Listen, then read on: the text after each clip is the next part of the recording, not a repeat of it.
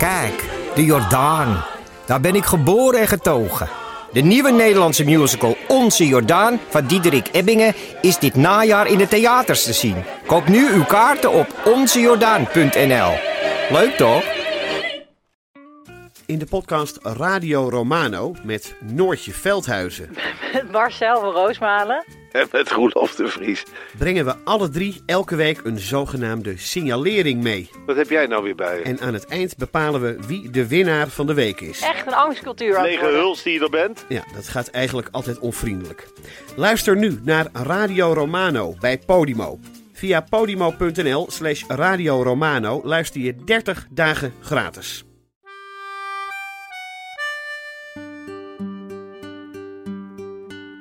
Dit is Man met de microfoon met echte en bijna echte verhalen. En mijn naam is Chris Baayema.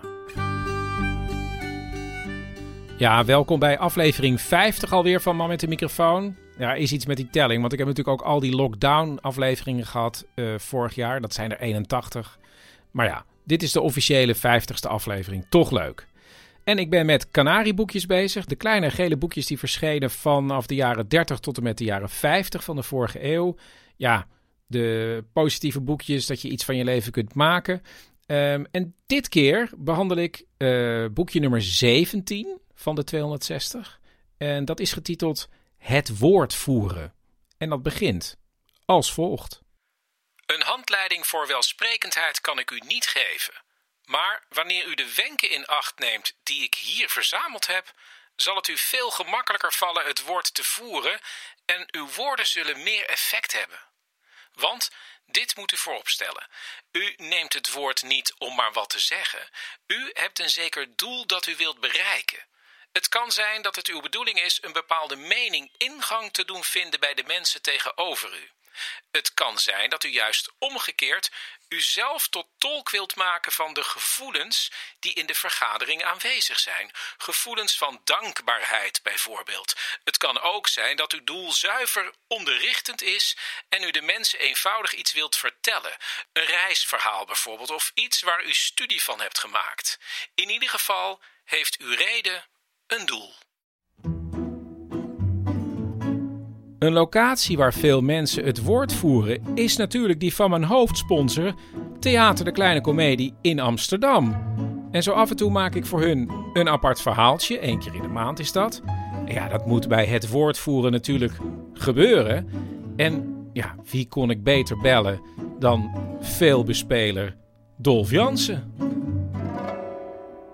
Hey Dolf, ja, eigenlijk voordat ik aan die montage ga, hoe, hoe monteren andere mensen jou? Want ik heb even geluisterd.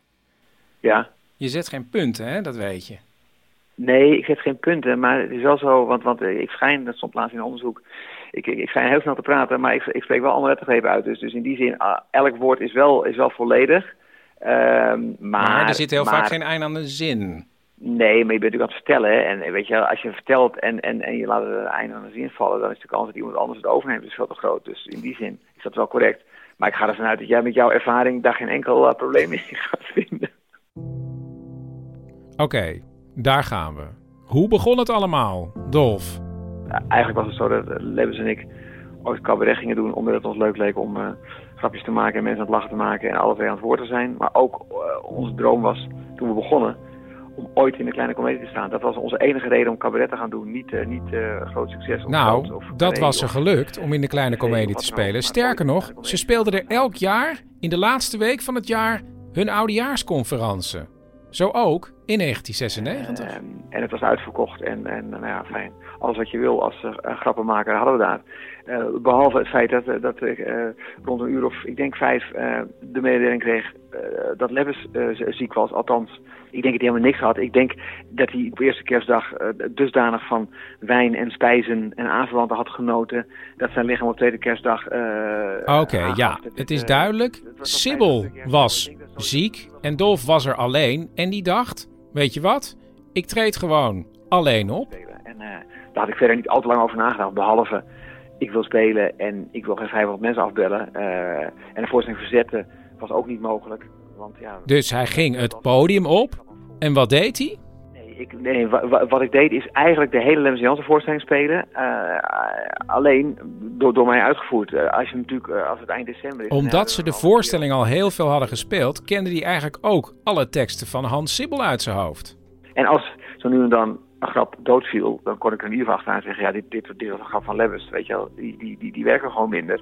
Dus ik kon er in die zin een soort Het van, is een avond die Dolf nooit vergeet. En ja, die ook leermomenten in zich had. Toch? Um, ja, ik, ja, ja, ik denk dat het ene leermoment is wat ik altijd wel in mijn werk heb gehad. Van, van dat, het, dat het altijd kan. Je moet, je, je, moet alleen ja, de, de, de omstandigheden meenemen en, en de, de tegenslag overwinnen. En, en uh, aanvaarden dat het is zoals het is. En het dan. Ja, het is zoals het is. En, en het andere? Het is natuurlijk altijd lekker als je, als je voelt van. Ik kan, ik, ik kan dingen ook uh, alleen. Het is fijn als je weet. Ik kan dingen ook alleen. Punt. En het grappige is, hier is misschien ooit het zaadje geplant voor de solo-carrières van Hans Sibbel en Dolf Jansen. En Dolf speelt nu alleen de oudejaarsconferentie in de kleine komedie, als het kan. Voordat ik doorga met de verhalen rondom het woordvoeren, wil ik je nu alvast wijzen op het boek van volgende, of boek, boekje van volgende week, nummer 163. En dat is De kunst van het telefoneren. En misschien heb jij daar een verhaal bij. Denk er goed over na. Hè? Misschien had je beter kunnen bellen en heb je dat niet gedaan. Of heb je belangst opgelopen toen je een bepaald telefoontje hebt gepleegd. Of wat was nou het meest rampzalige telefoongesprek ooit? Of het belangrijkste telefoontje? Heb je een verhaal? Bel drie woorden door naar 084 83 71 282. Staat ook in de show notes. Oké, kunnen we nu verder gaan met het woord voeren. Het doel van een redenaar verschilt veel van het doel van een schrijver. Een schrijver wil de lezers aan het denken brengen. Wie rustig nadenkt kan enkele meningen aanvaarden van een schrijver met wie hij het overigens in het geheel niet eens is. Hij kan de man in grote trekken zelfs scherp veroordelen en toch voor sommige van diens ideeën worden gewonnen. Dit is voor een spreker onmogelijk. Het doel van de spreker is trouwens ook niet zijn gehoor aan het denken te brengen, maar het op te wekken tot een handeling. Het geschreven woord kan overtuigen en toch passief laten.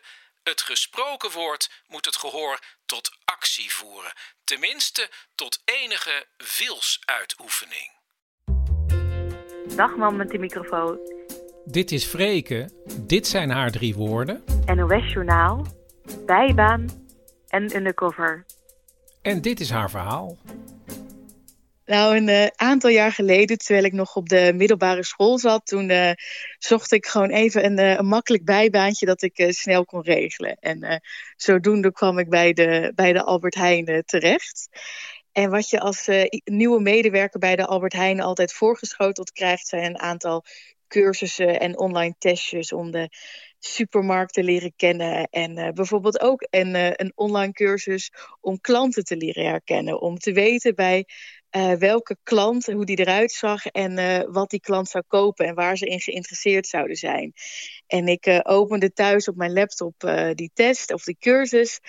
En ik, nou, ik viel eigenlijk achterover van verbazing, omdat ik zag dat de voorbeelden die ze gebruikten hele stereotyperende mensen waren. En ja, ik vond het eigenlijk bijna zelfs stigmatiserend of uh, discriminerend. Wat, wat, wat waren de stigmatiserende beelden? Wat waren de... Nou, ik zag een, eh, een, een, eh, een beetje een bolle uh, witte meneer met een blouse aan en een, en een bril op. En dat was dan een premium klant. En daarna zag ik een, een donkere mevrouw staan met kroeshaar en een kindje. En zij was de city budget klant. En toen dacht ik, nou, dat een groot bedrijf als de Albert Heijn dit soort stereotyperende beelden gebruikt, dat is echt niet meer van deze tijd. En wat deed ze toen? Uh, de wereldverbeteraar die ik was, die, uh, die stuurde in een vlaag van opwelling een mailtje naar uh, allerlei mediabureaus of naar de krant en naar de NOS. En daarin had ik een foto gemaakt van wat ik op mijn uh, scherm te zien had gekregen. En ik had het ook aan mijn moeder laten zien en die, uh, die dacht, ja, ja, nou, zo heftig is dit toch allemaal niet? Nou, daar dachten anderen anders over. Uh, ik was vredig gaan slapen en de volgende ochtend werd ik wakker met, ik denk wel, tien mails en, en, en, en vijf gemiste oproepen van allemaal onbekende nummers. Met allemaal uh, het bericht: wil je ons terugbellen, want we willen een item maken. Dus ik heb toen maar het eerste nummer aangeklikt wat ik, uh, wat ik zag staan. En niet wetende van wie het was. Met, en volgens mij ik met de Volkskrant aan de lijn. En ik kan ook nog een moment herinneren dat ik overdag eh, op de middelbare school in mijn filosofieles zat. En dat ik zei, sorry, maar ik moet even de les uitlopen. Want iemand van de NRC wil mij bellen of van het AD wil mij bellen omdat ze met mij een afspraak willen maken over wie de primeur kan hebben. Nou, dat was natuurlijk ook al één grote grap. Ik vroeg me ook af of die kranten wisten of ze gewoon een middelbare schoolmeisje aan de telefoon hadden. Nieuws is gewoon nieuws. Of het nou van een middelbare scholiermeisje is of niet. Sterker nog, ook de NOS belde op. En uh, ze zeiden dat ze langs wilden komen om een item op te nemen. En ik dacht, nou wat tof, maar uh, het zal vast wel voor, uh, voor de social media zijn. Of voor NOS op 3 of voor een, een, een kort item.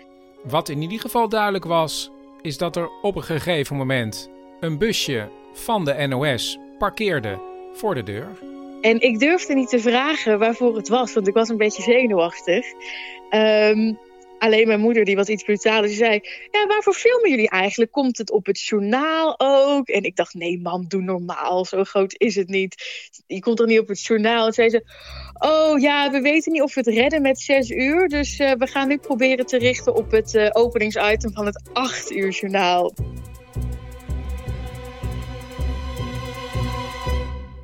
Ik mocht in, het, uh, in dat item mocht ik mijn uh, verhaal doen en vertellen. Maar de mannen van de NOS waren zo lief om uh, aan te geven dat ze vervelende reacties voor mij wilden voorkomen. En of ik dus vanaf mijn rug gefilmd wilde worden en zonder naam in beeld.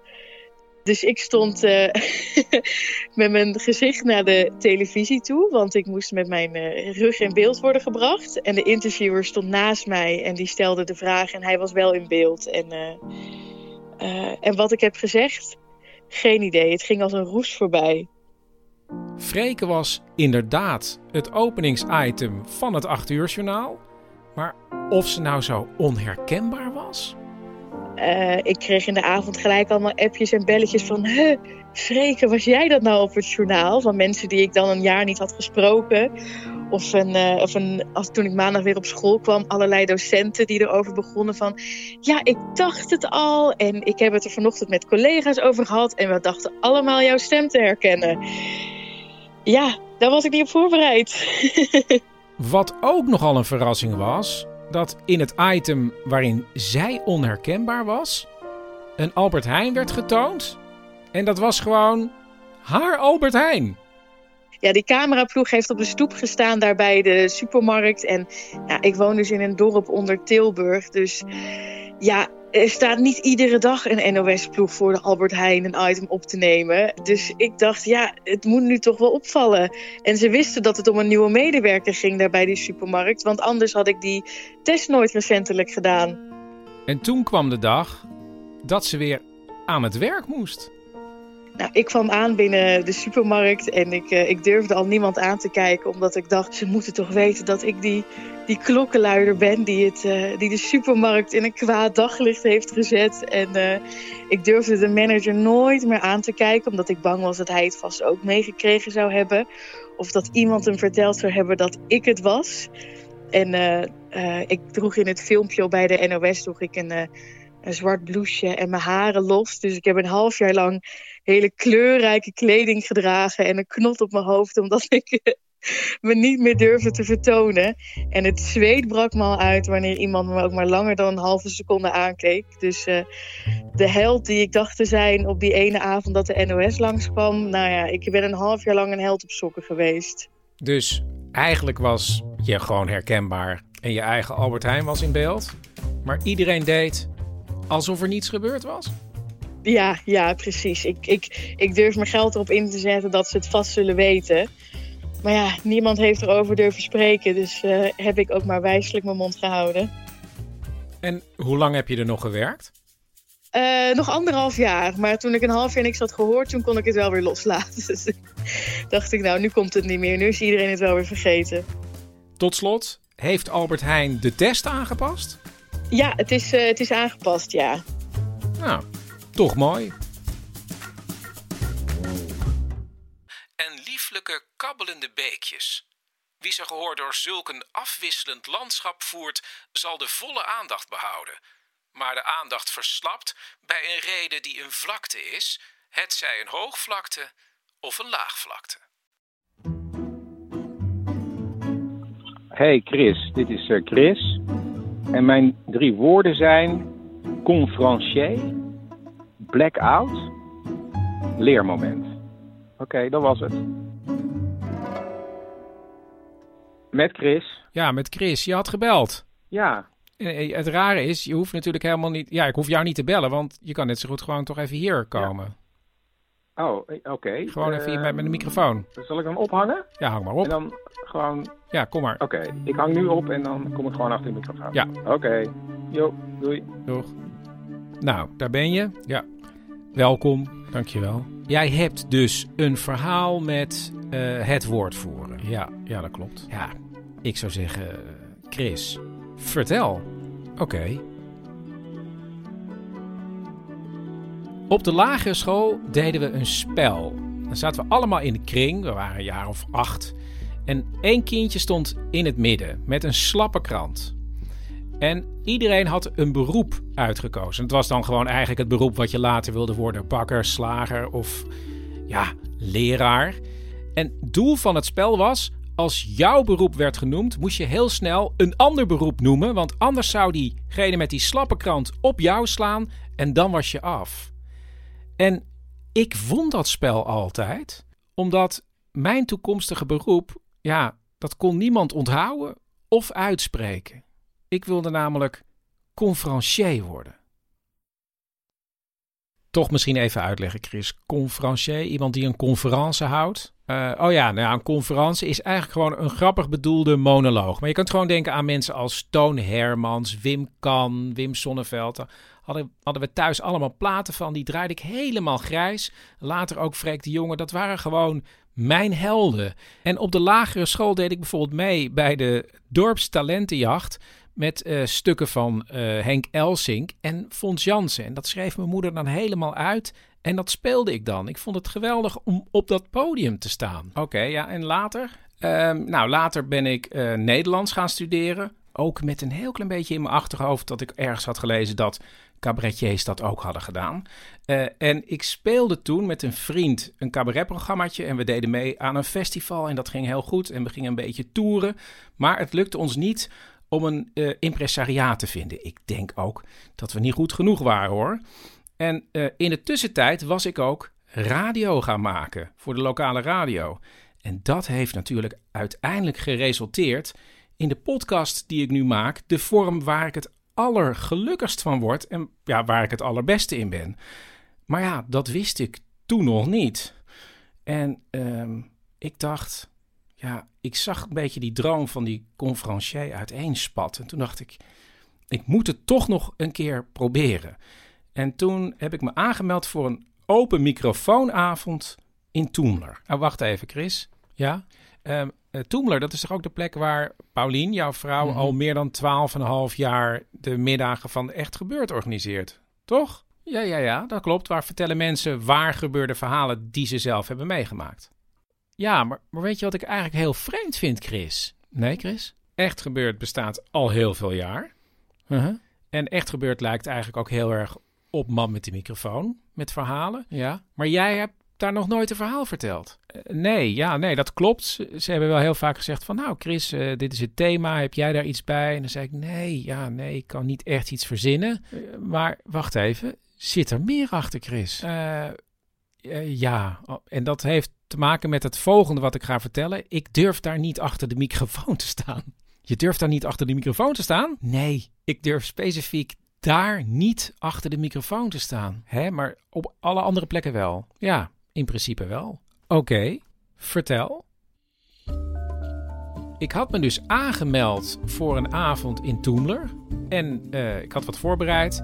Ik ging er naartoe. En ik moet zeggen, ja, het ging eigenlijk heel goed. De mensen moesten lachen. En eh, ik dacht, ja, misschien gaat het dan toch gebeuren en wordt de conferencier. En ik, ik, eigenlijk zag ik mezelf al een avond in de kleine komedie staan.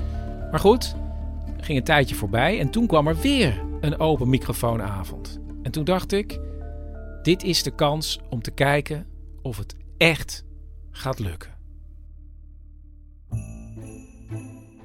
Dit is wat ik me kan herinneren van die avond. Er zijn een paar mensen die gaan optreden en dan kom je van tevoren bij elkaar en dan trek je een loodje wie als eerste het podium op moet. Ja, dan blijkt, ik mag die avond beginnen. Ben heel zenuwachtig, ja, zoals altijd. Ik ga het podium op. Ik weet nog dat ik iets zeg. En dan zit er een gat in mijn geheugen. En het volgende moment wat ik mij kan herinneren, is dat ik op de fiets zit en naar huis fiets. En ik weet nog dat ik op mijn fiets denk: hè? Ik ben dus het podium opgegaan. Ik heb een paar dingen gezegd. En nu zit ik hier.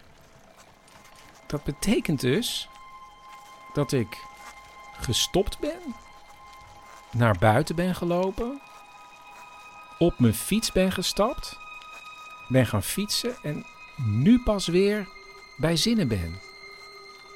En ik denk ook, ja, dit was het.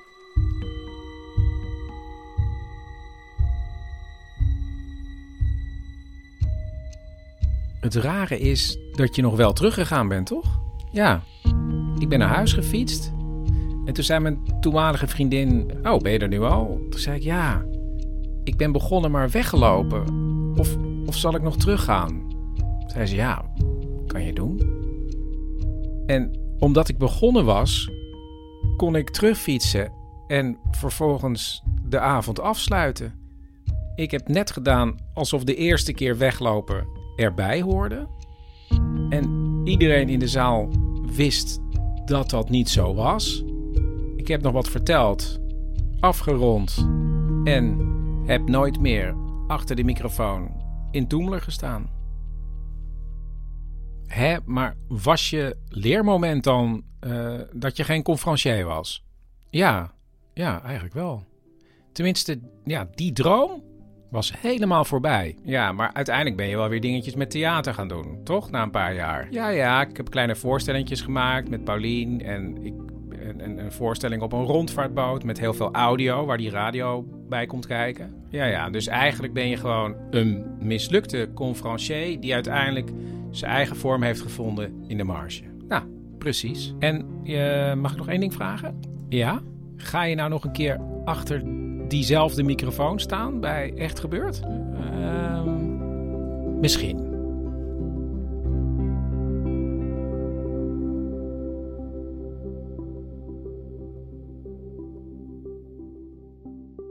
Vrees niet dat u van de wijs kunt worden gebracht door een stoornis. Gebeuren er dingen die de aandacht afleiden, dan kunt u niet beter doen dan daar even op in te haken zodat hetgeen de aandacht van u afleidde, juist weer dient om de aandacht op u te vestigen. Goeiedag, uh, Chris. Hey Dirk. Zal ik gewoon maar weer zeggen, Dirk, wat gebeurde er en uh, wanneer was het precies? Nou, dat was in de tijd dat ik dus nog bij de Zunlicht werkte. Op de toneelvereniging. En wat gebeurde er precies? Nou, we, we, moesten natuurlijk een eh, toneelstuk spelen. Het Veilig Nest heette dat. En ik had daar de, de hoofdrol, een dubbelrol zelf. Ik moest van de ene naar de andere persoon uh, chanceren. Maar op een gegeven ogenblik uh, ja, loopt dat natuurlijk uit de hand vanwege het feit dat je steeds maar heel weinig tijd had. Dus ja, de concentratie is hoog.